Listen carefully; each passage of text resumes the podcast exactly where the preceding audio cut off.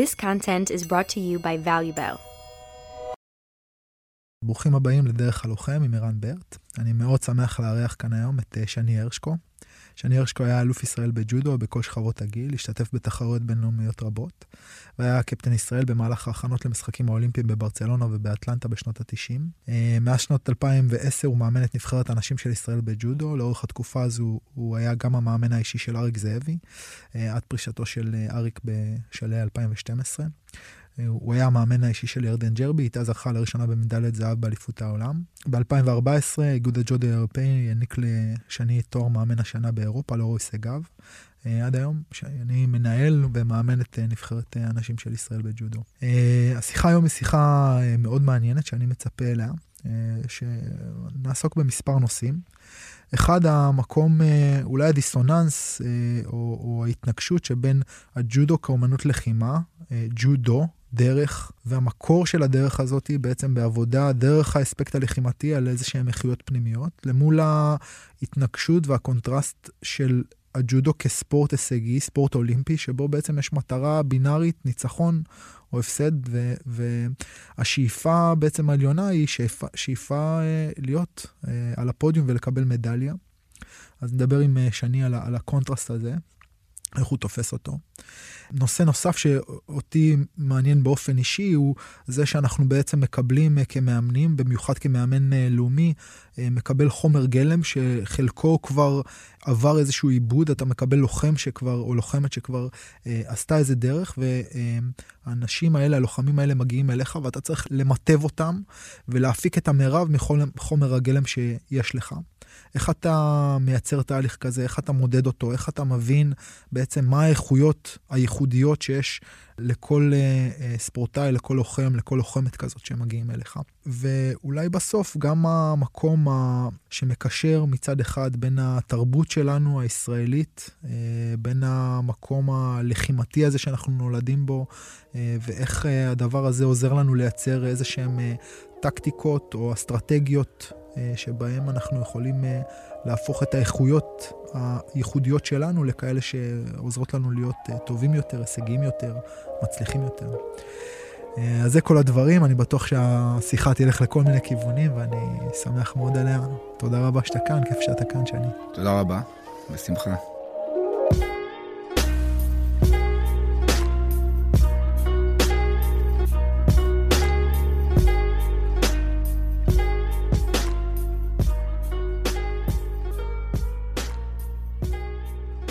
אז אה, אולי, אולי תתחיל כאילו מהדרך שלך. איך, אה, איך, איך אתה הגעת לתוך המרחב הזה הלחימתי? תראה, זה קשה, קשה לי, אתה יודע, המספרים האלה פתאום נראים לי כל כך כבדים, אבל אה, אני התחלתי לעסוק בג'ודו לפני מעל 40 שנה. כמה אנחנו זקנים, כאילו, אתה פינימט. זה כבר, אני עוד מעט, אני בקרוב מאוד צריך להגיד שזה קרוב ל-50 שנה, זה נראה לי מטורף. אז למעשה... אני אומר את זה הרבה פעמים, ואשתי כועסת עליי, שאני אומר שהזיכרון, היא אומרת לי, באמת אתה מטורף, כאילו הזיכרון הראשון שלי בחיים, זיכרונות שיש לי, ממתי שהתחלתי לעסוק בג'ודו. וואו. אז אני אומר, מתישהו בגיל חמש, אני היום אה, קרוב יותר לגיל 49 מאשר ל-48, אה, נקלעתי, והיום זה לא, היום זה לא כמו פעם, היום יש לך מתחת לכל אה, בניין, יש לך מועדון ג'ודו. אז אני גדלתי בנתניה, הייתי ילד מאוד מאוד ספורטיבי, עם המון אנרגיות. והתעסקתי בכל דבר שקשור לתנועה ולספורט, ואם אפשר, אה, דברים שיכולים לתת לי תחושת הניצחון. היום זה יישמע שב... אני יודע, אה, הורים לא היו נותנים לילד ללכת כל כך רחוק, אבל היה מועדון ג'ודו שהיה איזה, אני יודע, שני קילומטר ומשהו מה, מהבית שלי, והיה לי שכן שעסק בג'ודו, אמר לי, בוא תנסה גם ג'ודו, וזה היה נשמע לי...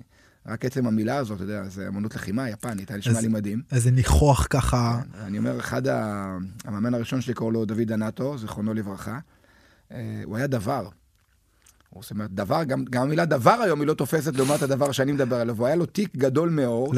ובא... לך תסביר לילדים מה זה דבר. והוא היה מחלק פשוט דואר, הוא היה בבוקר בא לדואר ומחלק בבוקר דואר עם תיק מאוד גדול שחילק דואר באזורים שגרנו בהם. והתחביב שלו היה ג'ודו, הוא למד ג'ודו, והוא אחרי צהריים עסק אה, באימון כ... כתחביב. אז אמר, אחד הדברים שכל הזמן ליוו אותי, ברגע שאמרתי, אוקיי, אני אנסה להיות הספורטאי הכי טוב שאני יכול, אבל כשמכל מיני סיבות הבנתי שכנראה אני לא אהיה שם, אמרתי, אני רוצה להיות מאמן, ועם ספורטאים שלי להגיע למקומות שלא הגעתי כספורטאי, אבל אני רוצה להיות מאמן, אני רוצה לעבוד כמאמן ג'ודו, אני לא רוצה לעסוק בג'ודו כמו המאמן הראשון שלי, שג'ודו בשבילו היה, זה מדהים, כן? אבל זה היה התחביב שלו, Mm. לא קצת אה, הכנסה, אבל שאלו אותו מה, במה אתה עובד, הוא היה אומר שהוא דבר, שהוא לא מאמן ג'ודו. אגב, זה דבר שבעולם הוא יותר פופולרי מישראל היום. היום בישראל יש המון, רוב המאמנים הם מאמני ג'ודו, הם לא מתעסקים בדברים אחרים, כי האפשרויות להתפרנס מזה הן לא רעות, אבל בעולם, בהרבה מקומות, יש אנשים שבבוקר הם עובדים במשרה מסוימת, ויש להם קבוצות שהם מאמנים, זה חלק מה, מההוואי שלהם, מהתרבות שלהם. אה, אבל אני, החלום שלי היה להיות מאמן ג'ודו. לא רק להיות מאמן ג'ודו, אני, כש... אני יחסית אה, גדל גוף, ולא היה לי הרבה יריבי אימונים אה, בגודל שלי, אז בשלב מאוד מוקדם הייתי חייב, גם התאמנתי בנבחרת וגם הייתי חייב להסתובב בהרבה מקומות, מקומות בישראל, ולא לי פתרונות. ואמרתי, אוקיי, אני, החלום שלי זה לפתוח איזושהי רשת של מועדוני ג'ודו, שיהיה לה מרכז אחד אחרי כמה שנים, ולמעשה אליו אני אוכל לנתב את הספורטאים הכי טובים, וזאת הייתה האסטרטגיה שלי. היום עושים את זה עוד הרבה מועדוני ג'ודו, ובאמת, אחרי כמה שנים שאימנתי, אז הצלחתי לייצר איזשהו מרכז באזור השרון, והיה לי המון הצעות לצאת מאזור השרון ולא הסכמתי, ובניתי איזושהי תשתית של uh, מועדונים, שלמעשה יכלתי לקלוט את הספורטאים הטובים, לפחות עד שלב שהם הגיעו לנבחרות, לתת להם מעטפת הכי מקצועית שהיה אפשר. בזמנים ההם. ובאמת ציינת את ירדן, אז ירדן היא, היא הייתה אמורה להיות בכלל פרי בוסר שלי. Mm. הפירות הראשונים, אומרים שבדרך כלל הפירות הראשונים הם פירות, פירות בוסר, אז איכשהו גם אה, זה הצליח ללמוד ספורטאים אחרים. וגם אחר כך כשהתקדמתי לנבחרת, אני לא רוצה לרוץ מהר מדי, אבל כל הזמן ניסיתי לעשות אה, דברים שעוד לא היו בישראל מבחינת הגישה שלי, מבחינת התנאים, ודברים שיהוו תחרות אפילו ל... נקרא לזה לנבחרות, mm. או למועדונים הכי טובים uh, בעולם, עם איזה, איזשהו טאץ' של לחפש אסטרטגיה שהם עוד לא חשבו עליה. זאת אומרת, במקום הזה, זה, זה נשמע לי קצת, ה, עוד פעם, המוח היהודי כזה קצת, נכון? חייבים את זה, ברור. Mm, כאילו, אני, אני גם קצת מקדים את המאוחר, אבל עוד פעם דיברנו קצת לפני זה על, על, ה, על האולימפיאדה האחרונה והזכייה של ישראל במדליה הקבוצתית, ושמה אה, זה, זה היה מאוד ברור כזה שיש מעצמות ג'ודו עולמיות, כאילו, נגיד רוסיה כזה או צרפת. רוסיה, כאילו בכל יום נתון יש, חוץ מהבחור הרוסי שנמצא שם על המזרון, יש עוד 20-30 מאחוריו שכאילו בכל יום נתון יכולים לקחת את האליפות עולם. ו, וכאילו לראות את ישראל עושה את זה, ולפעמים להרגיש שאולי לישראלים אין את אותם נתונים פיזיים או מערכתיים שיש לצד השני, ובכל זאת לראות אותם מנצחים, לפעמים אפילו ניצחון מכוער, כאילו במרכאות אני אומר, אבל מנצחים. אז, אז, אז, אז זה כאילו המקום של הראש היהודי, זה המקום של האסטרטגיה, זה המקום של להביא את הדבר שבזכותו אנחנו ננצח. כן. אני, אני חושב שזה באמת, מבחינתי, גם uh, מדברים שאני מנסה לחקור אותם, ו, ואולי uh, עם אנשים שהם לאו דווקא מהספורט, uh, בין אם זה ממקומות, uh, נקרא להם צבאיים, או אפילו ממקומות עסקיים, אני חושב שזה, בכל סיטואציה, יש שני צמתים שאתה נפגש איתם. צומת אחד, זה שאתה יכול uh, להתלונן מה לא טוב, ומצד שני זה לא עוזר לך. והצומת השני היא, היא לחפש מה כן אתה יכול להוציא מהסיטואציה שאתה נמצא בה, שאני חושב שזה בייסיק של, uh, של מה שאנחנו מנסים לתת גם במובן הכי מופשט של אמנות לחימה. זאת אומרת, כל הזמן להיות עם תקווה, וכל הזמן לחפש את הדרך איך לצאת ממצבים קשים, ובסופו של דבר, אני אומר לספורטאיות שלי כל הזמן, של אה, מצבים קשים, הפתרון הוא קשה. אי אפשר, אנשים הרבה פעמים מחפשים למצבים קשים פתרונות קלים. למצבים קלים ופתרונות הם קלים. אז אני אומר, יש את המצב הזה שאתה אומר, אוקיי, בסדר, זאת הסיטואציה, זאת רוסיה, זה, זה, זה, זה, זה. אז אני אומר, תמיד אתה יכול להגיע למצב, וזה זה לא שהמחשבות האלה לא עוברות בראש שלי או בראש של הספורטאיות שלי. אבל קודם כל צריך את המודעות, זה בסדר. זה בסדר שספק מחלחל בך, זה בסדר שאתה ניגעת לסיטואציה, שאתה צריך להגיד לעצמך, אוקיי, זאת הסיטואציה, אולי היא כמעט בלתי אפשרית, כן, אף פעם בלתי אפשרי, אבל בואו נראה מה אנחנו יכולים להפיק מה... מהמצב הזה. אז אני באמת אדבר ספציפית על התחרות הקבוצתית, לפחות בנבחרת הנשים, אה, לריו.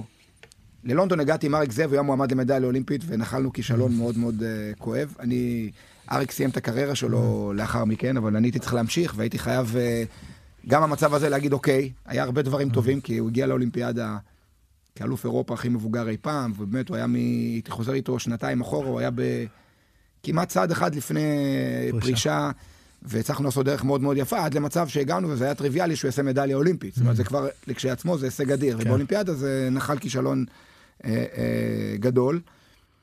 לא בטוח שצדקתי, אבל לפחות חיפשתי מה הייתה הטעות, וניסיתי להפנים את זה לקראת הקמפיין הבא, ולריו הגעתי עם, אה, גם עם נבחרת, אבל הגעתי גם עם ירדן ג'רבי, שהייתה מועמדת ודאית לכל מדליה שהייתה עושה, לא הייתה מפתיעה אף אחד. אם היא לא הייתה עושה מדליה, זה היה מפתיע. ולטוקי הייתי צריך להגיע עם נבחרת שונה. ולשמחתי, האיגוד העולמי, מצחיק, מצד אחד גם אה, הייתה את השנת קורונה שהיה בה המון דברים רעים, אבל גם ממנה ניסיתי להשיג את המקסימום. ניסיתי לפתוח יתרון על מדינות אחרות שלא ידעו איך להתמודד עם הלחץ הזה, אבל אנחנו מדינה שרגילים... אה, לתפקד. ואני גדלתי במלחמת המפרץ, אני נכנסתי עם מסכת אה, אב"ח לתוך חדר סגור, כי פחדו שיהיו טילים כימיים על ישראל. איזה מדינה בעולם מתמודדה עם זה? אוקיי, יש כמה מדינות, אבל רוב המדינות שאנחנו מתחרים נגדם, הם לא יודעים מה זה באמת שטיל נוחת להם ב... חוץ מקוסובו, שהם גם הצליחו מאוד. לא יודעים מה זה טיל שנוחת להם ב... בשכונה, אז אמרתי, אוקיי, אנחנו ישראלים, אנחנו מומחים במצבים האלה, וגם מזה להפיק את המקסימום. אני אומר, אבל הקטע הקבוצתי, ברגע שהאיגוד העולמי יודיע שיש תחרות קבוצתית, זו הייתה הזדמנות בשבילי. עכשיו, ההזדמנות הזאת, מצד אחד צריך להיזהר, כי אתה לא יכול לדבר עליה בתקופת ההכנה, כי קודם כל הספורטאים צריכים להתחרות לתחרות Mm. אישית. אבל הייתה לי אסטרטגיה, איך אני פועל, גם איך אני בונה את הנבחרת שלי כנבחרת שהיא לא רק אה, אינדיבידואלים, היא קבוצה לאורך כל הדרך, וברגע שאני אחליף את הפלאג מאישי לקבוצתי, הם יהיו ערוכות לזה, ולמעשה כל ספורטאית שסיימה להתחרות בתחרות האישית, אמרתי לה, תרימי את הראש, יש לנו קבוצתית. את עוד יכולה להיות מדליסטית אולימפית. עכשיו, את סיימת, את לא יכולה לחזור אחורה בזמן, תעזרי לאלו שמתחרות, אבל כל מי שמסיימת, את לוקחת אותה, את עוטפת אותה, את מרימה אותה, כי יש לנו עוד uh, כך וכך ימים עוד תחרות. באמת, כל יום עשינו את זה. שמרתי עליהם במצב, איך אני אגיד את זה, יש את, הנקודה של הסטרס שהיא חיובית. זאת אומרת, לא נתתי להם לפרוק. שמרתי אותם מוכנות, והפך, בניתי להם מיום ליום, ככל שהיה יותר ימים, בניתי את זה עוד יותר, מוטיבציה מטורפת לתקן או להשיג הישג יותר גדול ממה שהשיגה באישי. ואני חושב שבנבחרות אחרות, אין, לא היה להם את הכלים לעשות את זה. זה בגלל שיטת עבודה שבניתי אותה לאורך, אה, לאורך השנים. אז אני אומר, אחד זה הצומת הזאת, שאתה מגיע לסיטואציה, היא נראית כל כך רע, אתה יכול עדיין, אתה חייב עדיין למצוא דרך איך אתה יוצא ממנה, ואיך אתה מצליח, כי עדיין יש סיכוי. כשנגמר לגמרי, אז נגמר לגמרי. אומר, זה דבר אחד ש... שאני חושב שהצלחתי לחנך את הספורטאיות שלי, להאמין בו אמונה שלמה, וראיתי את זה לאורך השנים בהרבה קרבות שהיו נראים אבודים לגמרי, או, או חסר סיכוי, אה, אה, ושהם הצליחו להתגבר רק בגלל, מתוך זה שבוא נתמקד במה שאפשר לעשות, לא במה ש... לא, לא, לאבד ה-. לא לאבד את, ה- את כן. האופטימיות ואת היכולת שלך להשפיע על המציאות כל עוד ניתן להשפיע עליה. בדיוק. אז, אז אתה יודע מה, זה, זה ככה, אני מרגיש שזה מגלצ'ה די טובה לתוך אולי הנושא הראשון שלנו. דיברנו גם על יפן בהתחלה, וכאילו יש איזה משהו באמנויות לחימה שמקדש את המסורת ברמה מסוימת. נכון, ככה עושים את זה, ו, ויש איזו איכות מסוימת שנלווית גם לתנועות, שהיא איכות שהיא גם טכנית, היא גם תנועתית, היא גם פנימית. עוד פעם, ב- נגיד ביפן רואים את זה, רואים את זה טוב, כאילו אנשים עושים, אה, עושים רנדורים, וזה נראה כמעט לא עצים נכון. לפעמים. ואז יש את המקום שלך, שאתה בא ואתה אומר, אוקיי, זה החומר גלם שאני מקבל, אני צריך להוציא ממנו את המיטב, נכון? אני רוצה שבסופו של דבר, הדבר הזה, הלוחמת הזאת תעמוד על הפודיום, ואז אולי אני לא הולך בדרך הזאת, המסורתית של, כאילו, אני אומר היפנית, כאילו, כמייצגת איזשהו תמה, אלא אני צריך לייצר פה איזה משהו אחר. ואז יש פה קונטרסט, יש פה איזשהו דיסוננס בין שני דברים. אחד, הדרך המסורתית שבה עושים דברים, לייצר איזה משהו שגם יש בו איזשהו אספקט אה, הרמוני, תנועתי, איכו, אה, למול הדרך אה, שלנו, ואתה אומר, אוקיי, כאילו אני צריך אה, לרתום פה את האלתור, את הראש היהודי, את היכולת שלך להשתנות בתוך המצב, את היכולת שלך להשיג נקודה אולי מ... לא יודע מה. זה קונטרסט אחד, דיסוננס אחד, והדיסוננס השני הוא שבעצם הדו, הדרך המסורתית, אומרת, דרך התרגול של אלפי פעמים איפון סאונגה, אני בעצם ישפיע לא רק על האיפון עצמו, אלא על האיכות הפנימית שלי. ואולי כשאני הולך בדרך הזאת של ההישגיות, ואני מוכן כאילו לזנוח את המסורת, אם תראה לי עכשיו איזה טכניקה שעובדת, זה מה שמעניין אותי. אמ, והמחירים שהדבר הזה אולי מייצר, גם על זה דיברנו קצת. קודם כל, אני חושב שאין אין דבר שאתה עושה ואין לו מחיר. Mm, אומרת, אתה לא יכול לצפות שתפעל בדרך מסוימת, תשקיע באנרגיה, ולא תשלם על זה מחיר. המחיר הוא, אתה יודע, זה עניין בעיני המתבונן. מחיר זה זה שבמקום לבלות אתה עכשיו צריך להתאמן, אה, או במקום לאכול אתה צריך לשמור על משקל, או במקום אה, להישאר מתחת לפוך אתה צריך לצאת ו- ולרוץ, אז תמיד יש מחירים, אתה יודע, אין לזה, זה עניין אה, אה, מה אתה מוכן לשלם תמורת מה שאתה משיג. עניין אני- סובייקטיבי. כן, אני, אני נמצא בסיטואציה שהמשימת על שלי היא לשים בנות על פודיומים, אם אפשר, בראש הפודיום שישמעו את התקווה, ואם אפשר שזה יהיה באולימפיאדה, ואם לא באולימפיאדה, באליפות עולם, אם לא באליפות אירופה. זאת אומרת, זאת המטרת על שלי. זאת אומרת שהתפקיד שלי, בנקודה שאני נמצא, הוא לנצח יפנים. הוא לא לחקות את היפנים. אם אפשר. כבר הוכחנו כמה פעמים שאפשר. ברוב המקרים אנחנו מוכרים שאי אפשר. עכשיו, אני אומר, אני אומר ש, שזה, אם אני צריך לך איזה מטאפורה, אז אתה אומר, אוקיי, משפחה מרובת ילדים, שיש 14 ילדים, אין להורים זמן להשקיע את האנרגיה בכל ה-14, כמו שאם אותו הורה יהיה לו רק שני ילדים.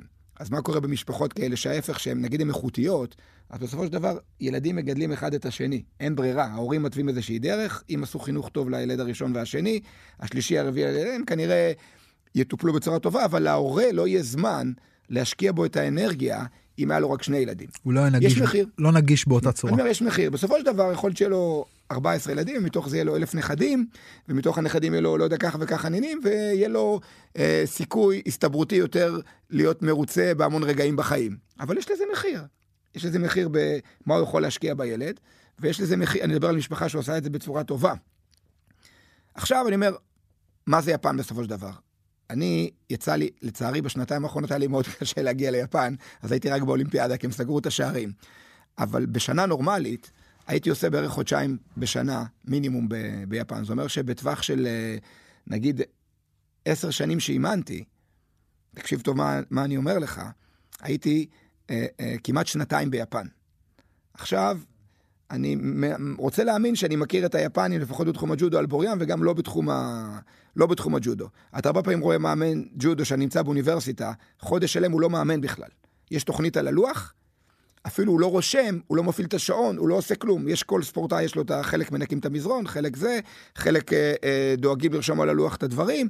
מדי פעם בתחילת אימון באים, המאמן עושה לי שהוא אומר להם, וספורטאי ניגש באימון, מפעיל את השעון, וככה מתאמנים כל הזמן. ולמעשה ההצלחה שם נובעת מזה שנותנים בסיס ברמה מאוד מאוד גבוהה. ואת הבסיס הזה בסופו של דבר ההתפתחות היא מתוך מפגשים שאנשים עם בסיס מאוד גבוה, עם יכולות מאוד מאוד גבוהות, מתרגלים דברים יחד. זה רוב ההתקדמות. לנו בישראל אין את הפריבילגיה הזאת, אבל אנחנו לא משפחה מרובת ילדים.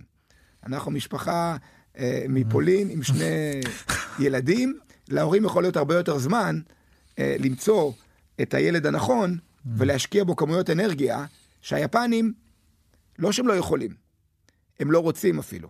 כי מבחינתם הברירה הטבעית זה הנשק הכי טוב שיכול להיות. בסופו של דבר, יש לך כל כך הרבה טובים עם בסיס כל כך טוב, אתה נותן להם להילחם אחד בשני, בסוף השניים שלושה שמגיעים למעלה הם ברמה של מדליית זהב אולימפית. זה לא שזה בלי מאמץ, אבל המאמץ מושקע בתחילת הדרך, רוב המאמץ. אחר כך זה לשמר את זה נכון, זה לבחור את הדברים הנכונים, אבל זה פחות אה, אה, לבנות את הספורטאי, הספורטאי בנוי כבר. ואצלנו זה הפוך. אצלנו הבסיס, קודם כל אין מה לעשות, אין פה איכויות אימון כמו יפן, או אפילו אתה נתת את רוסיה כדוגמה, או כמו צרפת. אתה חושב פה. שזה איכויות אימון או איכויות תרבותיות? אני חושב שזה ש... שילוב בין. האופי הישראלי לזה שהיום גם... תשמע, אתה... אני פוגש מאמנים יפנים, אני גם מעסיק פה מאמנים מחו"ל, והרבה פעמים ניסיתי להביא מאמנים, והפיתוי של להרוויח עוד קצת כסף, הוא לא מדבר אליהם בכלל. הוא לא רוצה. טוב לו. יש לו את הבית שלו, יש לו את האוכל הבסיסי שלו, הוא פעם בשנה עושה איזה חופשה, עזוב אותו. הולך ברגל מהבית למועדון, ומבחינתו לא, אתה לא יכול לפות... והישראלים, יש לנו איזו אמביציה פנימית הישראלים כזאת. לטוב ולרע הם כולם רוצים להיות הכי טובים, הכי עשירים, הכי חכמים, הכי חזקים, הכי הכי הכי הכי הכי. אני אומר, אז יש בזה אה, אה, מצד אחד המון דברים שליליים, שזה המון דברים חיוביים, אתה יודע למנף אותם למקום, למקום הנכון, וזה בדיוק דברים שאני מנסה לעשות כישראלי. עכשיו, אני אומר, אין לי סיכוי בעולם לנצח יפני בשיטה שלו. הדרך היחידה של לנצח יפני זה ליצור כל מיני מניפולציות, במרכאות, לרמות אותו איכשהו ולנצח אותו. זה, זאת האסטרטגיה, או רוסי או whatever. אז אני יכול להגיד לך סתם, חזרנו חזרה לתחרות הקבוצתית. אני הבנתי מה עובר על הרוסים. הרוסים היו במשבר, לפחות כמו שלנו, כי גם הרוסים באופן יחסי באולימפיאדה לא הצליחו כמו בשתי האולימפיאדות הקודמות. לא היה מי שיאסוף אותם, גם יש להם, המנהיג של הרוסים הוא מאמן איטלקי שקוראים לו גמבה, הוא חלה. אז הוא לא היה בתקופה mm. האחרונה של האולימפיאדה. וראיתי... חלון אני, הזדמנויות. אני, גם הברזילאים אותו דבר. אני, כשהם... הסתכלתי על הקרבות שהם עשו, וכשהם ירדו, הסתכלתי מה האסטרטגיה שלהם, מי מחליף חליפה, מי זה, מי זה. לא הייתה לי בכלל אסטרטגיה. הם באו, הם ירדו מהתחרות, אני יכול תוך חצי שעה לתת לך להבין מול מי אתה מתחרה, והם נתנו לי להבין מול מי אני מתחרה אה, שתי דקות אחרי שהם ירדו מהקרב, ואני בכלל, לא ידעו, הם לא יודעים מי אני מתחרה, כי כולם התחממו כל הזמן. הם אפילו לא הסתכלו על זה. זאת אומרת, אמרתי, מה קורה פה? אתם באים להתחרות נגדנו, עכשיו הרוסים ירדו, הפסידו בחצי גמר, ישבו כולם בדיכאון, וחיכו שיגיע הקרב נגד ישראל. ואתה כבר היית מוכן. לא, אני אומר, אנחנו כבר, כנבחרת, כבר ניתחת אותנו. אתה יודע, גם לספורטאים, עכשיו אני אומר, הדבר הזה מייצר ביטחון, למה? למה? כי אתה בא, גם אם התוכנית שלך היא לא טובה, אתה אומר לספורטאים, תקשיבו טוב, יש לי תוכנית, תראו, הברזילאים באים עכשיו, בואו נסתכל מה הם עושים, אנחנו לא מגלים להם מי עולה לקרבות, כולם עושות חימום, ואני אגיד יותר מזה, יכול להיות שאני אעשה גם הצגה, ואני אגיד שמישהי אחרת עולה, ואתה בא, ואין כמו ספר פתוח. אז אתה אומר, קודם כל, אין פה מישהו שמנהל את האירוע. אז אולי הם מסתמכים על היכולת שלהם, ואולי הם באמת הם כזה מצב שהם לא אול אין בכלל. הם לא אול אין בכלל. זאת אומרת, אנחנו עושים כל מיני אסטרטגיות, זה מדהים שהם אפילו לא ניסו להסתכל מהאסטרטגיה שלנו. כאילו, זה היה ברמה הזאת. אז אומר, זה, זה הראש הישראלי, וזה המקום שאתה אומר, אוקיי, אני נחות, אני בסיטואציה קשה, אני חייב למצוא, עדיין אני יכול לנצח, עכשיו בוא נמצא את המסלול אה, אה, עם המניפולציה נכונה, איך אני לוקח יתרון. יתרון הוא לא רק בקרב עצמו, הוא איך אני בונה ביטחון אצל הספורטאי. זאת אומרת, שבא לספורטאי ואומר, תקשיב טוב, הם נבחרת מדהימה. עזוב, אין להם אסטרטגיה בכלל. תקשיב לאסטרטגיה שלי, אנחנו הולכים לגמור אותם. איך אתה מנצח קרב בעזרת אסטרטגיה ולא בעזרת טכניקה. אני אומר לקר, אני, תסתכל, תסתכלי על הספורטאית, תסתכלי איך היא נראית, היא בכלל על המוטיבציה. עכשיו, את תעלי למזרון, ותלכי לידה, ותשדרי לה. שאת בשיא האנרגיות, שיא הזה, את עוד יותר תורידי אותה. אתה מבין? וזה גם עובד לך על המזרון. Mm. אז זה בכלל, זה נהיה כמו כדור שלג, שזה נהיה כבר גודל כזה שאתה לא יכול אה, אה, להתמודד איתו. אז אני אומר, אני חושב שכן הצלחנו למנף את זה, כמובן אתה חייב יכולת, אתה לא יכול בלי יכולת בכלל אה, לעשות את זה. אני, אני, יש כל מיני קונוטציות שאני אומר, אני אומר, אה, יש דייג, אוקיי? מה זה, למה היום קוראים phishing? מה זה phishing? כשמישהו שולח לך פיתיון, אתה בולע אותו, ועושה לך phishing, הוא לקח את הכרטיס אשראי, לקח את החיים, לקח את הזהות, לקח לא יודע מה. עכשיו, הדבר הזה הוא, מה זה phishing? זה מדייג. עכשיו אני אומר, מה זה דייג? אתה שם פיתיון על חכה. בא הדג, אומר, אני הולך לאכול ארוחת ערב סבבה, הוא גומר על הצלחת. Mm. זה כאילו, זה basic. זה עכשיו, המהות, זה המהות של הציד. זה המהות מבחינתי של ג'ודו בכלל. כן. זאת אומרת, האושר הכי גדול, מה האושר הכי גדול לנצח ספורטאי? אתה לומד אותו, אתה יודע בדיוק מה הוא יעשה, באיזה רגע, איך, מה תהיה שפת הגוף שלו לפני שהוא עושה את זה. הוא עושה את זה, ואתה עושה לו פישינג ואתה מנצח אותו. עכשיו אני אומר, ה-level הבא, היותר מתקדם, הוא מה אני עושה כדי לגרום לו לעשות את מה שאני רוצה שהוא יעשה, ואז הוא עושה אותו ואז אני אוכל אותו. אז אני אומר, כאילו, זה, זה משהו שהוא, אה, אותי בתור מאמן, הוא מאוד מאוד אה, מאתגר ונותן המון מוטיבציה, כי הספורטאי שלי עובדות מאוד מאוד קשה. זאת אומרת, אין מישהו בעולם שעובד יותר קשה מהם, אולי מישהו עובד יותר נכון. אולי מישהו יש לו בסיס יותר טוב, אולי מישהו יש לו יותר כסף, יש לו מערכת יותר נכונה. אבל אני מנסה לייצר משהו שהוא הערך המוסף שלי, כמו שאנחנו יודעים לעשות ביחידות עילית בצבא, כמו שאנחנו יודעים לעשות אה, אה, בחברות הייטק, כמו שאנחנו יודעים לעשות ברפואה. אנחנו יודעים לעשות את זה גם בספורט, ואני חושב שג'ודו זה הפלטפורמה הכי מדהימה לדבר הזה, כי בדיוק כמו שציינת, קודם כל זה אומנות לחימה. מה זה אומנות לחימה? אמנות לחימה בסופו של דבר אומרת שצריך להילחם בצורה כזאת או אחרת. בשחייה לא נלחמים, בשחייה צריך להגיע הכי מהר לצד השני. בג'ודו נלחמים. מה אנחנו עושים בישראל? כל היום אנחנו נלחמים. כל היום פה אנשים רוצים להילחם, להילחם ולנצח. אז זה תפור עלינו. עכשיו אני אומר, גם העירוב גזעים שיש פה, הוא באופן תיאורטי אמור לייצר אה, אה, אנשים עם יתרונות יחסיים בהמון דברים, גם אה, מוחיים וגם גופניים. עכשיו, מה יפה בג'ודו? כל מבנה גוף, אם אתה בונה לו אסטרטגיה נכונה, ואתה שם לו את התרגילים הנכונים, יש לו יתרון. כי מי שגבוה וארוך, אז יש לו יתרון יחסי מסוים, אבל גם מי שקטן ומהיר ומתפרץ, אתה יכול לייצר לו דברים. חושב שהג'ודו נותן מענה לכל מיני דברים, שאתה אומר, אתה אומר, אוקיי, אני יודע, כן, כדורסלן, אה, אם הוא לא שני מטר חמישה, אז אין לי שני מטר חמישה, אז אני לא טוב. לא, בג'ודו, אם אתה מתחרת קטגוריה, שיר הראשון היא, היא פחות ממטר חמישים, והיא קטנטונת, אבל היא ספורטאית שגם בתחרות הקבוצתית זכתה מדע אולימפית, היא הייתה מרחק נגיעה מדליה באישית, והיא ניצחה ספורטאיות הכי טובות uh, בעולם, שהמבנה גוף שלהם הוא שונה. או לחילופין, גפן, פרימול דוגמה, או טימנה נלסון, הן כן בנויות גבוהות וזה, אבל הם הפסידו גם לספורטאיות קטנות יותר. אני חושב שג'ודו נותן לך מענה uh, uh, לכל מבנה גוף, ולכל בן אדם שיש לו יתרונות יחסיים טובים, אתה יכול לפתח אותם ולהצליח איתו, וזה כל כך uh, uh, מתאים. ל, ל, נגיד לגנום הישראלי, mm-hmm. גם הקטע להיות אנדרדוג, אתה בא כאנדרדוג, זה לך לפעמים מוטיבציה יותר טובה. אז אם אתה בונה את ה... את ה יותר קשה, יותר קשה להיות פייבוריט. יותר קשה להיות יפני. יותר קשה להיות פייבוריט. יותר קל להיות אנדרדוג. עכשיו, אנדרדוג עם מודעות שהוא מסוגל, לא אנדרדוג שאומר אין לי סיכוי. אין לי זה, אנדרדוג עם מודעות שהוא רעב. מסוגל. הוא אומר, כן, אני עכשיו בא, ולי אין מה להפסיד, אני גם מוכן, ואני אנצח כל אחד שיבוא מולי.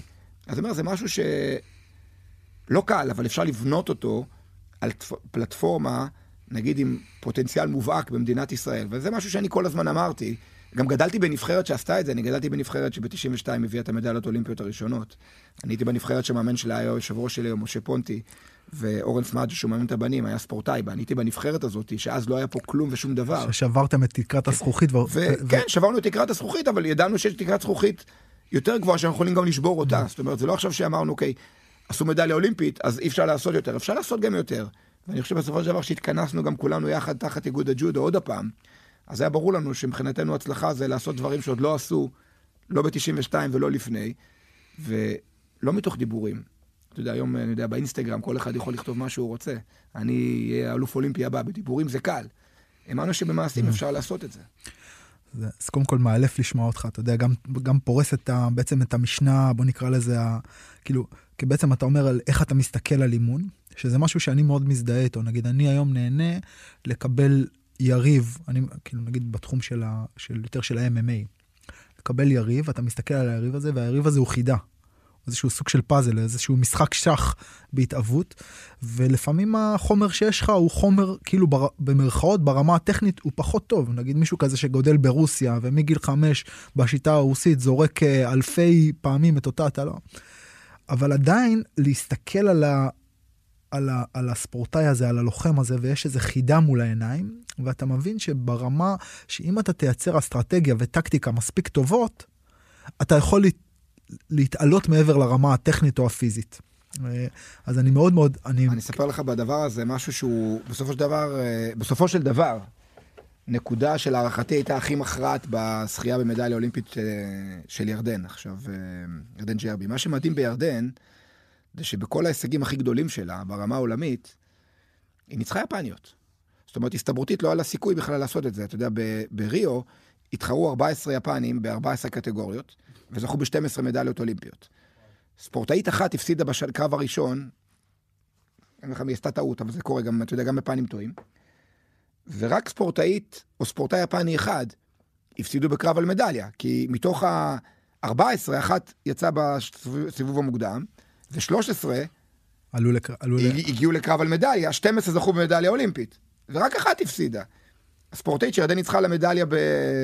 באולימפיאדה, זאת אומרת, תלך למתמטיקאי, לסטטיסטיקאי, הוא יגיד לך, תקשיב טוב, ההסתברות שלך עכשיו למלא טור אחד בטוטו ולזכות, היא בערך אותו דבר כמו שירדן תנצח יפנית באולימפיאדה בקרב על מדליה. אף אחד לא עשה את זה. מה, מישהי מישראל, ממדינה כזאת, תבוא ותנצח יפנית, שגם ניצחה את ירדן פעמיים, לפני, אפילו אפשר להגיד, הביסה אותה, ופעם אחת ירדן ניצחה אותה, על משהו שמצאנו שהיא עושה בקרקע, ותרגיל שהיא נכנסת אליה, אמרת, תקשיבי טוב, יש שלב, דווקא אם היא תוביל עלייך, היא עושה משהו, ובטיימינג הנכון, אם את תרגישי את זה, את תגיבי, את תנצחי אותה. אז בחצי גמר אליפות עולם היא זרקה את ירדן בווזארי, ואחרי זה היא עשתה את התרגיל שידענו שהיא תעשה, וירדן באותו רגע עשתה וריתקה אותה, אבל זה פעם אחת. באולימפיאדה כל הזמן היא עשתה עם הספורטאית הזאת, שהיא ספורטאית מדהימה. איך קוראים לה? תשאירו, מיקו. אה, וכל הזמן ירדן הסתבכה איתה, ירדן, זה שמאלית מול ימנית, למה שאני לא אדבר על האסטרטגיות האלה, אבל יש סגנונות עבודה, והסגנון עבודה הוא כעיקרון אמור להיות סגנון עבודה פתוח, כי ירדן היא ספורטאית שמחפשת כל הזמן לזרוק באיפונים, והיא טובה המצב, אבל היפנית היא מאסטרית בלהחזיק אותך רחוק, וירדן צריכה להתקרב. וכל פעם הגיע למצב שהיפנית תחזיק אותה בצורה מסוימת, והקרב התנהל מרחוק, והיה יתרון ברור ל... יפנית. ליפנית. ולא משנה, עבדנו עם איזה מערכת, עם איזה מישהו שהיה מהג'ודו, והוא עשה לנו אה, אה, ניתוח קרבות, אבל לא ניתוח קרבות, אתה יודע, זה, זה איך אתה מסתכל על ה... על איזה בעיות אתה מסתכל, ועל איזה, איזה פתרונות אתה מחפש. כאילו, אתה תסתכל עכשיו קרב ג'ודו, לא משנה מה תהיה ההבנה שלך, אני אגיד לך, אוקיי, תחזור לי עם אינפוט, אז תחזור לי עם כל מיני אינפוטים. אני אגיד לך מה האינפוטים שאנחנו חיפשנו. אפיינו את הספורטאיות לפי ארבע מבנה גוף, זאת אומרת, ימנית או שמאלית, או אחיזה עליונה או אחיזה נמוכה, מבחינת המבנה גוף. ושלחתי את הצוות שטיפל לי בדברים האלה כזה לראות מאות קרבות. מיקדתי אותם קודם של- כל בספורטאיות הכי בעייתיות שיש לי, שאני הכי לא מסתדר איתן, הכי טובות, אבל גם את כולן ניתחנו. אבל כאלה שידענו שזה מצ'אפים שאנחנו ברוב הסיכויים מנצחים, אז התמקדנו פחות. גם בסיכון, כי זה ג'ודו, אבל היינו צריכים להתמקד. והיפנית, אני יכול להגיד לך שלקחנו את היפנית, בכלל לא הסתכלנו קרבות שלה עם ירדן. זה לא מעניין. לקחנו את כל הימניות שהמבנה גוף שלהם והסגנון עבודה דומה פחות או יותר לירדן. היפנית הזאת הפסידה בכל הקמפיין האולימפי איזה שלוש פעמים. זאת אומרת, הפסידה פעם אחת לירדן באיזה משהו בקרקע, והפסידה לקלריס, וזה ההפסדים שלה, והפסידה ליפניות, שזה לא רלוונטי בכלל. למה, למה זה לא רלוונטי ליפניות? כי הסגנון העבודה שלהם הוא לא הסגנון של. ירדן. אתה לא יכול להכיל אותו. חיפשנו, חיפשנו, אמרתי, אוקיי. אני רוצה לדעת מתי היא אה, עשתה פעולה, פעולות אה, שליליות. אוקיי, קיבלה עונש, או זה או זה או זה או זה. ואז גילינו איזה קרב עם ימנית, שהיפנית ניצחה אותה בכלל. גם יחסית בקלות, אבל הקרב היה יותר משתי דקות. גם חיפשנו קרבות שהן לא חצי דקה, כי אתה רוצה לראות. אז חיפשנו קרבות שהן מעל שתי דקות, אז קריאתה לקרב של יותר משתי דקות. ואז ראינו אני אדבר איתך על אלמנטים שגם, אתה יודע, אנחנו בפודקאסט לא רואים, אבל היפנית אוהבת להחזיק בקצה השרוול, וברגע שהיא מחזיקה אותך בקצה השרוול, האופציה היחידה שיש לך זה או לשחרר, או שאתה גם תופס בקצה השרוול. וברגע שאתה אוקיי? תופס... אבל ירדן רוצה להגיע לשרוול למעלה. ואז גילינו, בקרב מול ימנית, ראינו מצב שהימנית עשתה לה איזשהו משהו, והיפנית הגיבה בצורה מסוימת, והימנית תפסה אותה, את השרוול למעלה, די בקלות. Mm. היפנית לא נלחצה מזה, אני רציתי לראות איך מגיעים לתפוס אותה. ושם ראיתי את זה, ואז מה שיפה בג'ודו שנפגשים מסביב לעולם ועושים ניסוי וטעייה. ניסויים. כן. ואז אמרתי, ירדן, תקשיבי, את עושה איתה קרב. תנסי פעם אחת לעשות את זה. רק תראי את האחיזה שלך. זה איזשהו מהלך טכני מורכב, לא פשוט באחיזה. ועשתה איתה קרב, ואמרתי, תקשיבי טוב, תני לה לנצח אותך בקרב. הכל בסדר. שתפיל אותך, תני לה אחר כך לעשות, רק תראי פעם אחת שאת מצליחה להגיע ל... למצב הזה. והיא הצליחה. ואז תרגלנו ותרגלנו ותרגלנו ותרגלנו את המצב הזה. היה לה יריב אימונים, שהוא היה מדהים, היום הוא העוזר שלי, עידו בר, הוא גם עזר מאוד בתקופה תקופה, הבאתי אותו, כי הוא ג'ודאי בחסד עליון, הוא רק פרש מג'ודו, והבאתי אותו שיהיה יריב אימונים בעיקר של ירדן, כי הוא יכול לעבוד שמאל וימין, ויש לו ג'ודו מאוד מגוון, והוא גם אה, עם הכוח הפיזי הנכון, והוא גם יודע לשלוט בכוח הפיזי שלו, ובוא נגיד שהוא היה מאות פעמים הספורטאית היפנית הזאת, כשהמיקוד היה הרבה פעמים בסיטואציה, איך ירדן מגיעה אליה קרוב. ובאולימפיאדה אתה רואה את הקרב, שלושה מהלכים ראשונים, מהלך ראשון ירדן הגיעה אליה קרוב, היא לא, ידעה בכלל איך, היא לא הבינה בכלל איך ירדן הגיעה למצב הזה, היא כמעט הפילה אותה, מהלך שני זרקה אותה, מהלך שלישי ירדן זרקה אותה, הקרב היה גמור. מדהים. הקרב היה גמור. כמה, איך, כמה זמן, ב, כמה, כמה תחמת את זה בזמן, את האימון על הדבר הספציפי הזה, על המהלך הטקטי הזה? מרגע שעלינו על זה, בום, רק את לא, זה. לא, תראה, חילקנו, חילקנו את, ה, את היריבות שלהם ליריבות, אתה גם יודע בג'ודו בגלל דירוג יריבות שהן סיבוב ראשון, אוקיי? עכשיו, מתוך היריבות שהן סיבוב ראשון, שגם זה סיפור מדהים, ידענו שיש אה, אה, שתי יריבות שאנחנו הכי לא רוצים לקבל אותן. Mm. הבולטת ביניהם הייתה הקובאנית. הקובאנית ניצחה את, ירדן ניצחה אותה פעם אחת, הקיאה את הנשמה. שלה כדי לנצח אותה בקובה בגמר, והקובאנית ניצחה את ירדן פעמיים, הביסה אותה, כולל בתחרות האחרונה לפני האולימפיאדה. בקרב על מדליה בגרנד סלאם, היא זרקה את ירדן בשתי ווזארי בחצי דקה. עכשיו ידענו שהספורטאית הזאת, רק אותה לא, אז אותה קיבלנו קרב ראשון, אבל היא הייתה מוכנה אליה, הבנו מה האסטרטגיה, וגם באולימפיאדה היא זרקה את ירדן אחרי חצי דקה. אבל ידענו בדיוק מה אנחנו צריכים לעשות, להגיע אל השתי דקות האחרונות, איך מגיעים איתה, וברגע שהרגע הזה הגיע, אז התוכנית עבדה וירדן ניצחה אותה. והיה לנו את הבנות שהן קרב מדליה, קרב מדליה, קרב מדליה. יפנית היא אחת מהן, קלריס הייתה עוד, היה איזה ארבע, חמש בנות שאמרנו, זה קרב מדליה. ושאלת אותי, היית אומר, רק, לא את קלריס, את יודעת, קלריס אני מעדיף על היפנית, כי קלריס היא מאוד חזקה, צרפתייה שהיא אלופה אולימפית עכשיו, היא הפסידה בגמר. אמרתי, כי היא, היא אוהבת קרב מקרוב, אז בסדר, אז ירדן לפחות, זה 50-50. זה, זה, זה המים שלה. זה 50-50, כן. זה המים של שניהם, אבל לפחות כן. הקרב פתוח. זאתי תבוא יפנית, היא...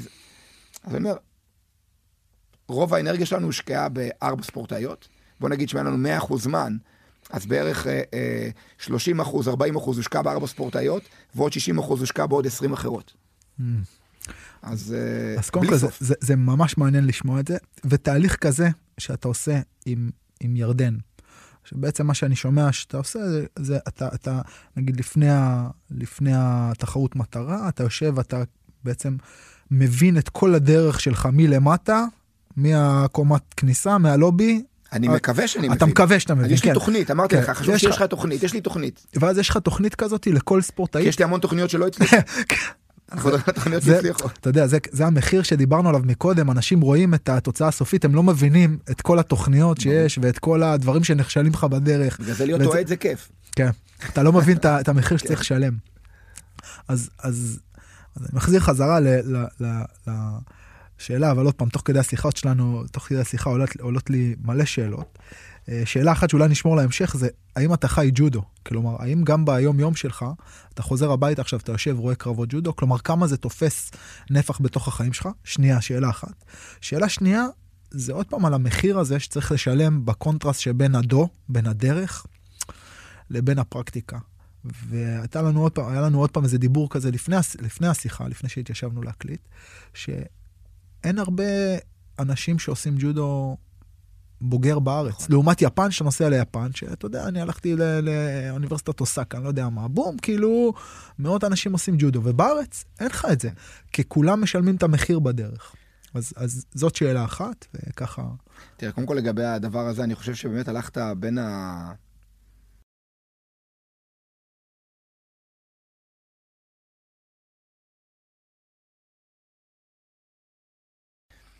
יש פה משהו ב... יש משהו במסננת, לא, אני אגיד לך, אני אגיד לך מה קורה, אני יודע בדיוק מה קורה, כי גם אני... חי את זה. הייתה לי רשת מועדונת, ואני בעצמי ניסיתי לאמן אנשים אה, אה, אה, מבוגרים לאורך זמן, עד שאמרתי שאני לא רוצה לאמן אנשים מבוגרים, כי היה לי כמויות של פציעות. אגב, לא בגלל שיטות אימון שלי, בגלל שאנשים באו אליי מטורפים, רוצים להילחם כל היום, רוצים כל היום לעשות קרבות. אתה עושה קרב ג'ודו, אתה נפצע. אם אתה לא מוותר, אתה נפצע. אתה נפצע, בדיוק, אתה נפצע. אז אני אומר ש... ג'ודו הוא יש לנו- ענף לא אני אגיד לך מה, סלחני. כל ספורטאי, זה מדהים, אתה תדבר עכשיו עם, אה, תיקח סתם דוגמה, תיקח עשרה ספורטאים שעושים ג'ודו בכל מיני רמות, נגיד בגילי 18, בגילי 25, בגילי 30 זה כבר אובר, בישראל, ותיקח נגיד סתם, נגיד בלגיה, אה, צרפת, אה, אני יודע מה, כל מיני מקומות כאלה. תגיד לו, אוקיי, מה המטרה שלך? אצלנו כל אחד יגיד, אני רוצה ואני אהיה מדליסט אולימפי. אבל עזוב, סטטיסטית זה לא יכול לקרות הדבר הזה. אני אומר, ג'ודו הוא הרבה יותר עמוק מרק מדל... מי שיכול להיות מדליסט אולימפי, אז ברור שהוא כולו מחויב למטרה הזאת, הוא משלם מחיר. הוא משלם, מסיים את הקריירה שלו עם המון פגיעות גופניות ונפשיות. יש לזה מחיר מאוד מאוד גדול, וגם ברוב המקרים הוא גם לא יצליח לממש את הפוטנציאל שלו, כי הוא עובד על משבצת שיש בעולם עוד 20, כמוהו. זאת אומרת, לפעמים אתה מפסיד, אנשים, אנשים כל הזמן אומרים, אם הוא ניצח מנטלי, אם הוא הפסיד מנטלי. די עם ה... סלח לי, עם החרטא הזה. לפעמים אתה מפסיד, אתה מוכן מנטלית, הספורטאי מולך מוכן מנטלית, יש לשניכם כלים טובים. מישהו חייב להפסיד בג'ודו, אין תיקו בג'ודו, מישהו חייב להפסיד. אז זה לא תמיד הסיבה הזאת. ותדבר בבלגיה, הוא יגיד, לא, אני עושה ג'ודו, זה עניין אה, רוחני, בריאותי, ובישראל, כאילו מי שבא לג'ודו, בגלל שאנחנו מצליחים בג'ודו, אז ברור, אם הוא לא יגיד שהוא יהיה אלוף אולימפי, ואז מתנפץ להם הכל בפנים, ואז הם לא באים. ומצד שני, באים האלו ש... בדרך כלל, כן? אני אומר שיש חידי סגולה, שבאים לג'ודו, אז אומרים, אוקיי, תקשיב, תן לי לעשות קרבות. איזה קרבות? על מה אתה מדבר? אה, אה, אתה בגיל מסוים, מישהו מפיל אותך כל כך הרבה פעמים, אתה, הגוף שלך לא בנוי לזה. ויש את הקונפליקט הזה בישראל, אתה, אני אומר, כמו, אני נוסע לאוניברסיטה ביפן, באות למזרון 20, 30 בנות, שהן סטודנטיות באוניברסיטה, הן מחויבות לעשות כל יום לפחות שעתיים ג'ודו, כי הם בחרו בזה. אין שם אחת שחושבת שהיא תוזמן אי פעם לנבחרת הלאומית. כל ה-20-30 האלה הם ברמה מדהימה של ג'ודו, עם הבנה של ג'ודו מטורפת. והן עושות ג'ודו, כי זאת התרבות שם. נגמר יום לימודים, כל אחד צריך להוריד את המדים המצחיקים שלו של סטודנט, לשים או חליפת ג'ודו, או נעלי, נעליים לאתלטיקה, או לא יודע מה, ענפים ששם באוניברסיטאות.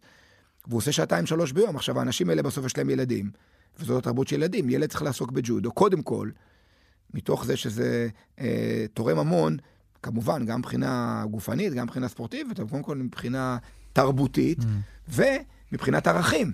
עכשיו, גם פה זה, נותנים זה את הערכים, נותנים את הכל, כלי אבל בסופו. של דבר, הכל מבוסס בג'ודו. עכשיו, נגיד יש לך תחומים אחרים, שהם לא תחרותיים בכלל, אז שם יותר קל. או תחומים שהם בין לבין, הם נגיד לא מצליחים מאוד בכלל, אז להם יותר קל להביא אנשים שאומרים, תשמע, לא יודע, סתם, בוא, אתה עושה אייקידו, אז מה אתה עושה אייקידו? אתה הולך להתחרות, אתה עושה את זה, באים בכיף, תנועה, לומדים משהו, יש פה תרבות. אני, אני אומר שבקטע הזה, כאילו נגזר עלינו בישראל לפספס את הדבר הזה, וזה המחיר שאנחנו משלמים על זה שג'ודו הוא ענף ספורט אולימפי, מצליח.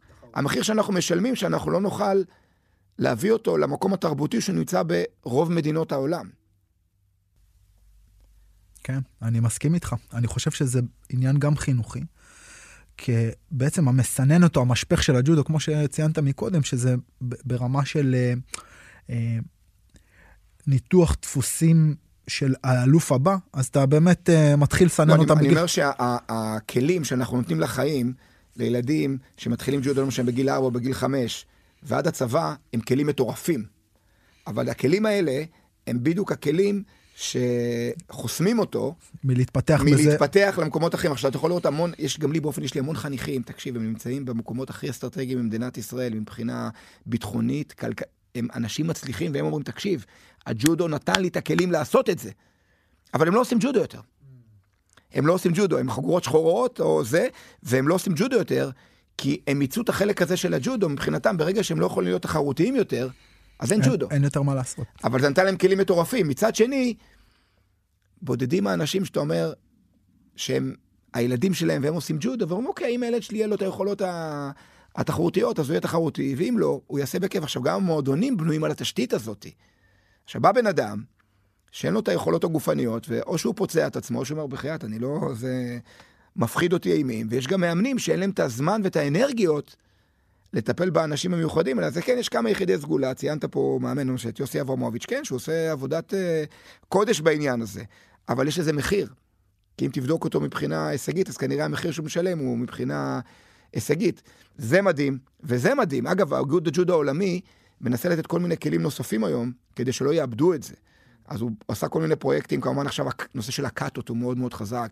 אבל גם את זה לקחו למקום התחרותי, אומרים, אוקיי, בואו נעשה אליפות עולם בקאטות, ואז אליפות עולם בקאטות תגרום לזה שאנשים אה, אה, עם מגבלות גופניות יכולים נכון. לעסוק בג'ודו, אבל עוד פעם זה הולך ל- למקום, התחרותי. למקום התחרותי, ובישראל בטוח שזה ילך למקום התחרותי, שזה חבל לי, אבל אני פשוט, אני מודע אה, למגבלה שנוצרת כאן, דווקא בגלל משהו שהופך אותנו לכל כך טובים, הוא, עולה- הוא, הוא, ה, כאילו במרכאות האויב של הדבר. זה, הזה. זה המחיר שאתה משלם. ואגב, יש המון ג'ודאים שעוברים לאמנות לחימה, אני, לי היה המון חניכים שעוסקים היום, לא משנה, בכל מיני מגוון רחב של, של אה, קראטה, אה, באייקידו, ב- ג'ו-ג'יטסו ב- ברזילאי, אנחנו כן, מקבלים הרבה. אה, כן, במיקס מרשל ארץ, עוברים למקומות האלה ששם כן יכולים להכיל את זה. אגב, אני לא בטוח שגם שם, בהמון אפיקים היום, שכן הולכים, מנסים לחקות את הג'ודו בהמון דברים, Mm. אם בסופו של דבר התוצאה של זה גם תהיה נזק ש... נזק, כאילו ה... המגבלה שיש בג'ודו. אני, אני, אני לגמרי רואה את זה כאילו מבפנים. יש מחיר שאתה משלם על, ה, על ההטמעה של מושג הניצחון וההישגיות. המושג הזה הוא מושג שבונה אגו, ואתה חייב אגו. אתה יודע, אגו זה הרוח שנושבת במפרש.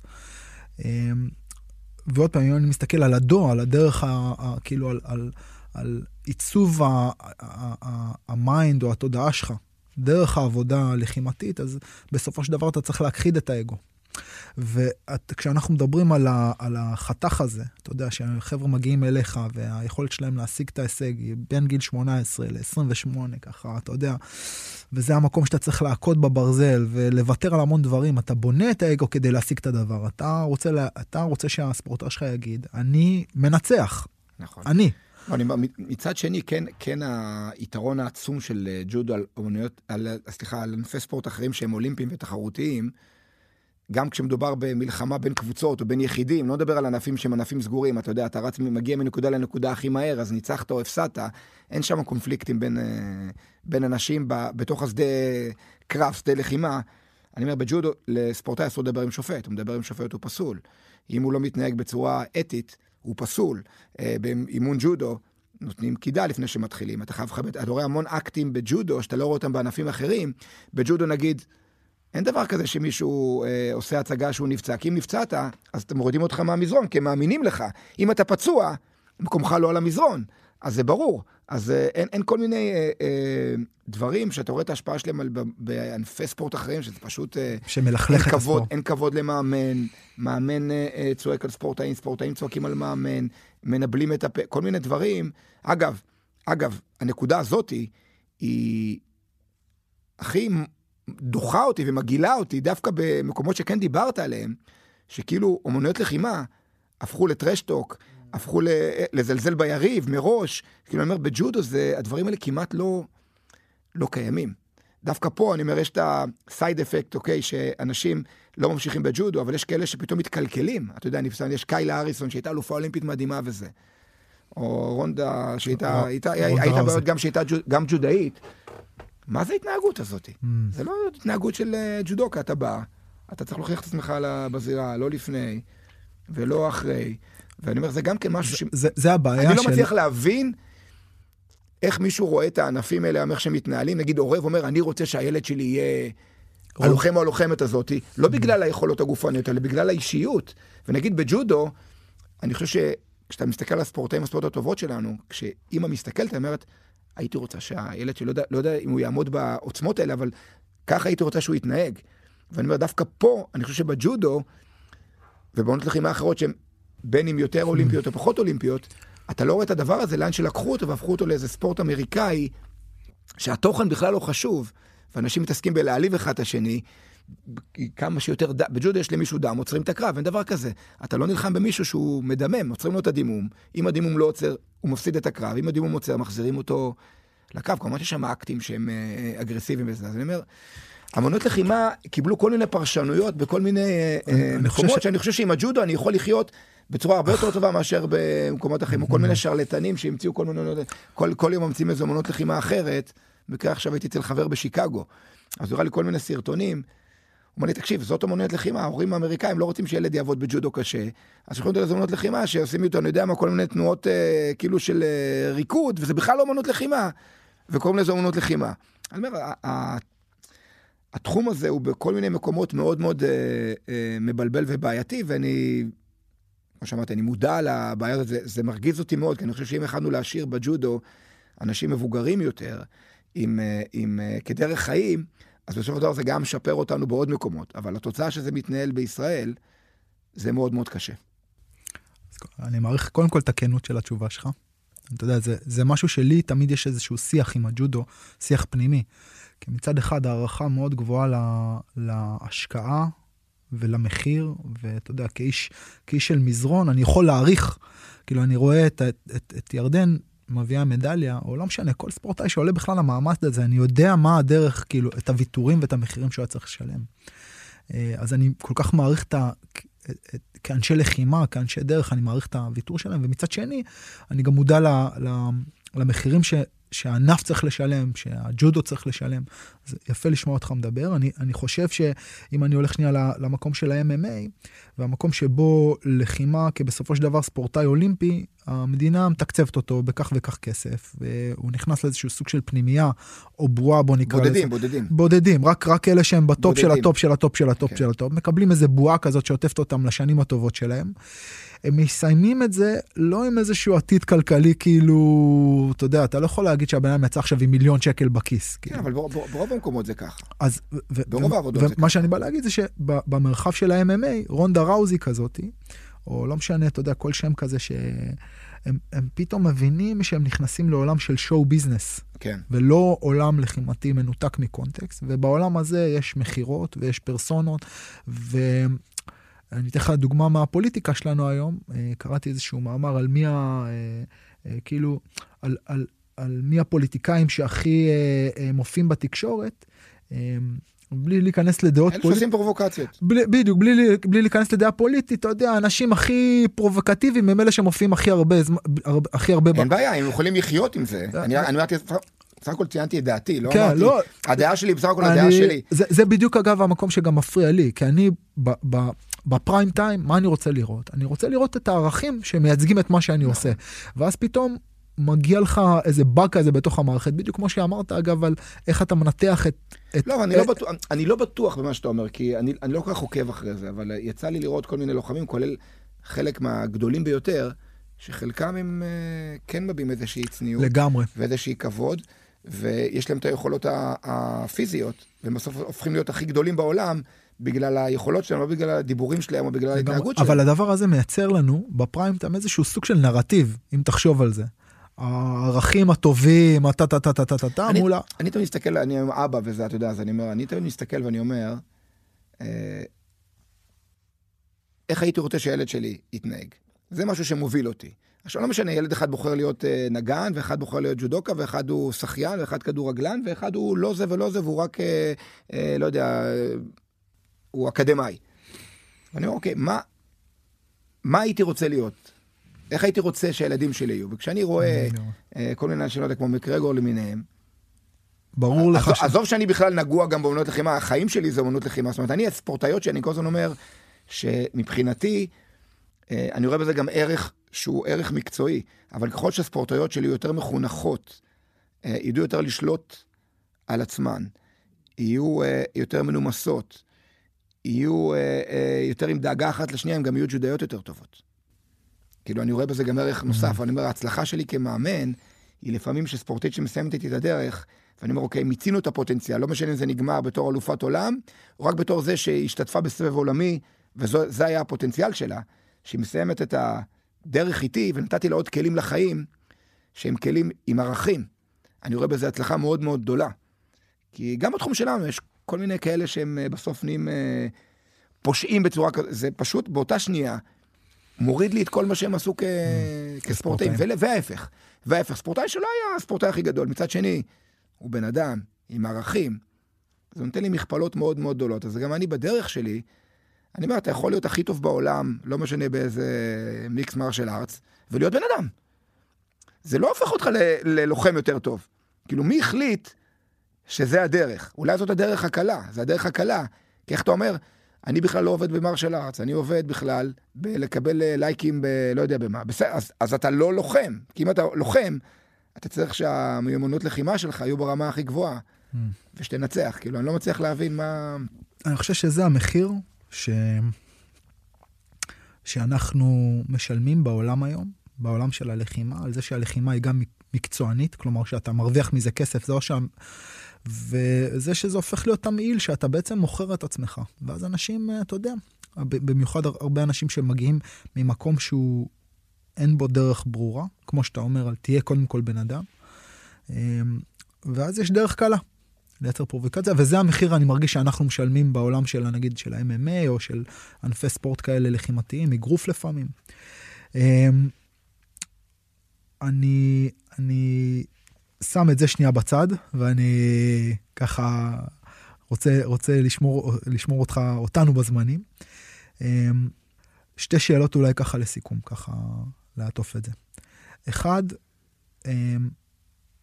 מה השיטת אימון שלך? כלומר, מה, מה, מה אתה ממליץ למאמנים, מה אתה ממליץ לאנשי לחימה, איך להתאמן, איך, איך למטב ספורטאים. הייתי שמח לשמוע את הטקסט שלך על זה. אז אני לענות על זה? כן. כן. אני אומר, אה, אה, תשמע, אני אומר, ועם זה יש המון, כמה שדיברתי לך על מניפולציות ועל אסטרטגיות, ואין תחליף למחויבות ולעבודה קשה של כל גורם במערכת המקצועית שלך. אין לזה תחליף. זאת אומרת, מבחינתי, אני לא מדבר על זה, אבל זה א' ב'. זאת אומרת, אני מבחינתי מחזיק את הצוות שלי ואת הספורטאיות שלי כל הזמן במתח מאוד מאוד גבוה ובדרישות מקצועיות מאוד מאוד גבוהות מבחינת המחויבות שלהם. מי הצוות שלך? Uh, היום יש לי בצוות, גם ציינתי את עידו בר, שהוא למעשה יד ימיני ב... נגיד עם הספורטאיות האולימפיות. אני עכשיו בחיפושים של, אה, של מאמנים, דווקא מאמן זר, אבל זה לא נרחיב על זה למה וזה, אבל זה גם נובע מחלק מהסיבות של הדרישות המקצועיות שלי, שהרבה מאמנים ישראלים לא יכולים... Uh, אה, לעמוד בהם, ואני מודע לזה. יכול, יכול להיות שזה באשמתי, יכול להיות שזה באשמתם, אבל מישהו אשם בסיפור הזה. אה, יש לי מאמנת יפנית, שנמצאת כאן כבר קמפיין שני, שקוראים לה מיקי תנקי, הייתה מתחרה של ירדן, היא גם ניצחה את ירדן פעמיים, וירדן ניצחה אותה פעם אחת, ואני הבאתי אותה מיד אחרי אה, ריו. יש לי מאמנת שקוראים לה עמלי רוסנו, היא, היא ישראלית לכל דבר, אבל היא גדלה בבלגיה, ולמעשה אה, היא גם התאמנה אצלי בנבחרת, אז זה חלק מהצוות שלי. יש לי את מעיין גרינברג, אה, שהיא גם ספורטית שגדלה בנבחרת שלי, והיא בנבחרת, ויש לי ספור... מאמנת צעירה, שזאת עדי גרוסמן, שהיא גם ספורטית שגדלה אצלי בנבחרת. אני מרגיש שגם אה, נכון לי, גם זה עוד איזשהו משהו שאני יכול לתת למי שגדל אצלי במערכת, אבל הכי חשוב, אני מביא אנשים שמבינים את הדרישות המקצועיות שלי. אז כמו שאמרתי, זה קודם כל, כל הזמן מחויבות אבסולוטית, לדרוש קודם כל מעצמך. אני דורש מעצמי, אני תמיד, כשאני בא לאימונים, אז אני בא ראשון ואני הולך אחרון, ואני זמין 24-7. ואני מקפיד על uh, אורח חיים, uh, uh, לפחות כמו שאני דורש מהספורטאיות שלי. Uh, uh, זה ה basic. אם אין לך את זה, לא משנה כל מה שתעשה. עכשיו, אתה אומר, מה השיטה שלי? השיטה שלי היא כל הזמן לחפש את השיטה שתצליח. זה אומר שאני לא מתקבע במשהו מסוים, לא כקבוצה. אגב, ברוב המקומות בעולם, רוב המעצמות ספורט, יש להם סיסטם. דיברנו על, יש להם שטאנץ. זאת אומרת, yeah. אתה כן. רואה מערכת רוסית, אתה רואה, אוקיי, ספורטאים שעובדים בסגנון מסוים, זה הספורטאים המנצחים, כי המערכת החליטה שזה, שזה הסגנון. אני אומר, אני בדיוק, או יפנים או הצרפת, אני אומר בדיוק הפוך. אני רוצה למצוא כל הזמן את השיטה ואת הדרך, איך לתת לספורטאי שלי, עם היתרונות היחסיים שלו, את הכלים לנצח. אני אומר גם אותו דבר לגבי השיטה שלי. אני גם, אני גם, אה, אה, וזה מהר מאוד הבנתי. אני שולט לא רע בכל הנושא של אה, הבנה, של תיאום עומסים ופיזיולוגיה. ו... אני עובד עם משהו, אתה יודע, אנשים אומרים, יש כל הזמן מלחמה עם האקדמיה, מה זה אינטואיציה? אז אני אומר, האינטואיציה שלי זה אינטואיציה שמבוססת על המון המון ניסיון. אבל אני בא לאימון, יש לי רעיון, אני בשנייה אחת הופך אותו, בהתאם למה שאני רואה mm. בשטח. אומר, אולי השיטה הכי בולטת אצלי, אמרתי, מחויבות, זה ה basic, אם ברגע שאני לא יהיה לי את המחויבות שנובעת מתוך רצון פנימי להצליח, אז אני כבר, זה יהיה כאילו במכפלה כפול אפס. אז זה לא משנה מה אני אביא בדברים האחרים, בסופו של דבר אני אכפיל את זה באפס, התוצאה תהיה mm. אפס. זה כאילו הגורם הכי מכריע, ויחד עם זה כל הזמן לנסות לייצר שיטת עבודה, וטכניקת עבודה, וטקטיקת עבודה, ומניפולציית עבודה, שהיא מתאימה לזמן הנתון. זאת אומרת, אני לא mm. מפחד לשנות, אני לא מפחד אה, אה להפוך החלטות שחשבתי שאתמול הן אה. נכונות, היום להגיד שהן לא נכונות. ולקח לי זמן, לקח לי זמן והמון ניסיון כדי להגיע לרגע הזה, אני חושב שזה ה... שאתה אומר, מה השיטה שלי? השיטה שלי, שאין שיטה. שיש כל הזמן מה המציאות שאני צריך להתמודד איתה, ואיזה שיטה אני מביא נכון לרגע זה שתעבוד. איזה ספורטאית, איזה, איזה לוחמת. אני, כן, אני כן. זה, זה במכלול של הנבחרת, ב, ב, ביכולות של הספורטאית, ומול מי שהיא צריכה להתמודד. אני כל הזמן מנסה להיות סוג של חדשנות. אני חושב שזאת השיטה שלי, נקרא לזה ככה. כמה ספורטאיות יש בנבחרת בכל רגע? תשמע, הסגל של הנבחרת זה 100 ספורטאיות. וואו. אבל אני מדבר על ספורטאיות מגילי קדטיות עד בוגרות. Mm. יש לנו אקדמיה בווינגייט, יש שם ספורטאיות שהן בגילי... אה, גם כשדיברת איתי, אז אני אומר, אני כל הזמן מנסה היום להביא את הספורטאיות בגיל כמה שיותר צעיר, כדי שאני אוכל להתוות להם את הערכים עם היכולות שיש לי בנבחרת, לתת להם פלטפורמה שהיא ברמה אולימפית מגיל 13 או 12, דוגמה כרם פרימו שכולם מדברים עליה. היא ספורטאית שכבר בגיל 12, הבאנו אותה לאקדמיה, ועבדנו איתה עם פלטפורמה שהייתה לירדן ג'רבי. זאת אומרת, כרם פרימו זכתה להיות במקומות עוד עם ירדן ג'רבי. ואני אומר, זה היתרון היחסי הנוסף שנתנו לה, שהצלחנו להתחיל לעבוד איתה. מוקדם. בגיל מאוד מאוד צעיר. אגב, זאת המגמה בכל הענפים המקצוענים בעולם. היום scouting בכדורגל וכדורסל, מחפשים ילדים בני שש. הם אומרים, אוקיי, אין בעיה, אני אבחר עכשיו אלף ילדים בני שש, שאני מזהה אותם, מתוך האלף האלה, אחד יישאר. אבל Mm. תן לי להביא אותו בגיל צעיר, כי אז אני אהפוך אותו בגיל אה, 14 להרבה יותר טוב ממה שהוא היה, אם הוא יגדל ב...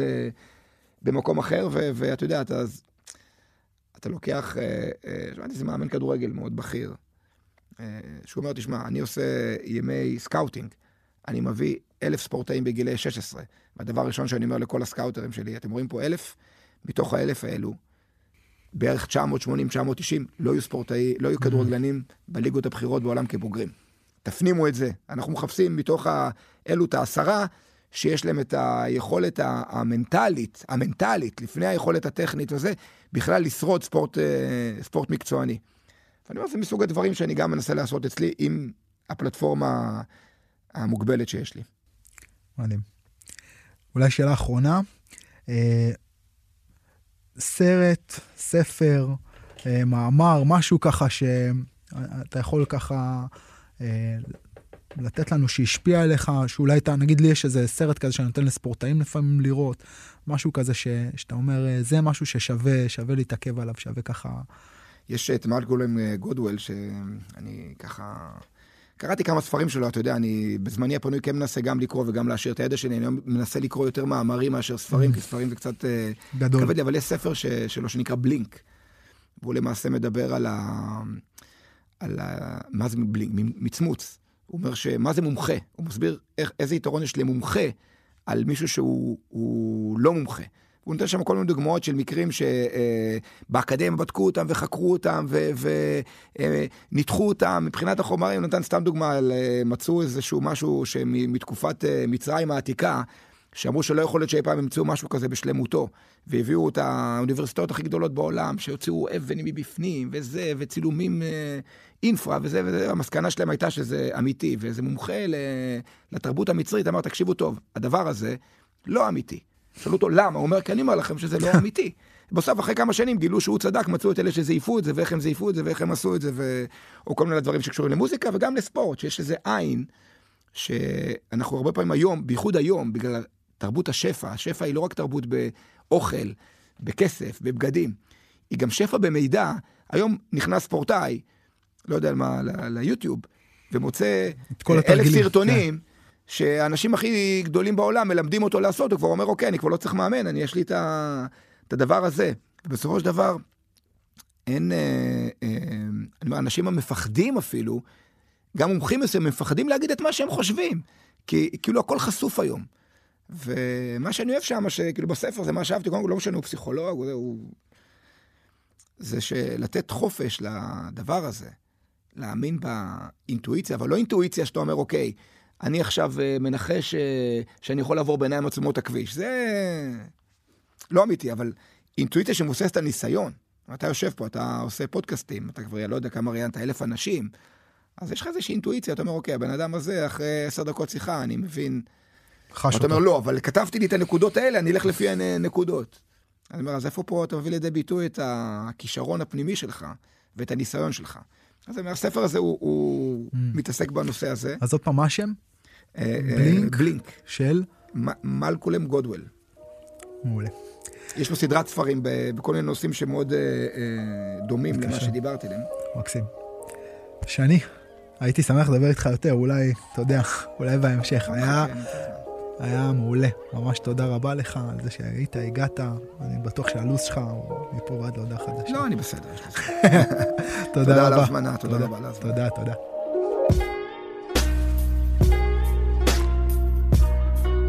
חברים, תודה רבה שהקשבתם לנו עד כאן. אתם מוזמנים לעקוב אחרי הערוץ, להצטרף לקהילה בפייסבוק, שם אנחנו מעלים קטעים מתוך הפרקים, וגם כל מיני דברים אה, אה, מעניינים שאני נתקל בהם, או ששולחים לי. אם אגב אתם אה, נתקלים בקטע מעניין שנראה לכם אה, רלוונטי או אקטואלי לקהילה, אז אתם ממש מושל... מוזמנים לשלוח לי ואני אשתדל לשתף. תודה לכולם, נשתמע בשבוע הבא.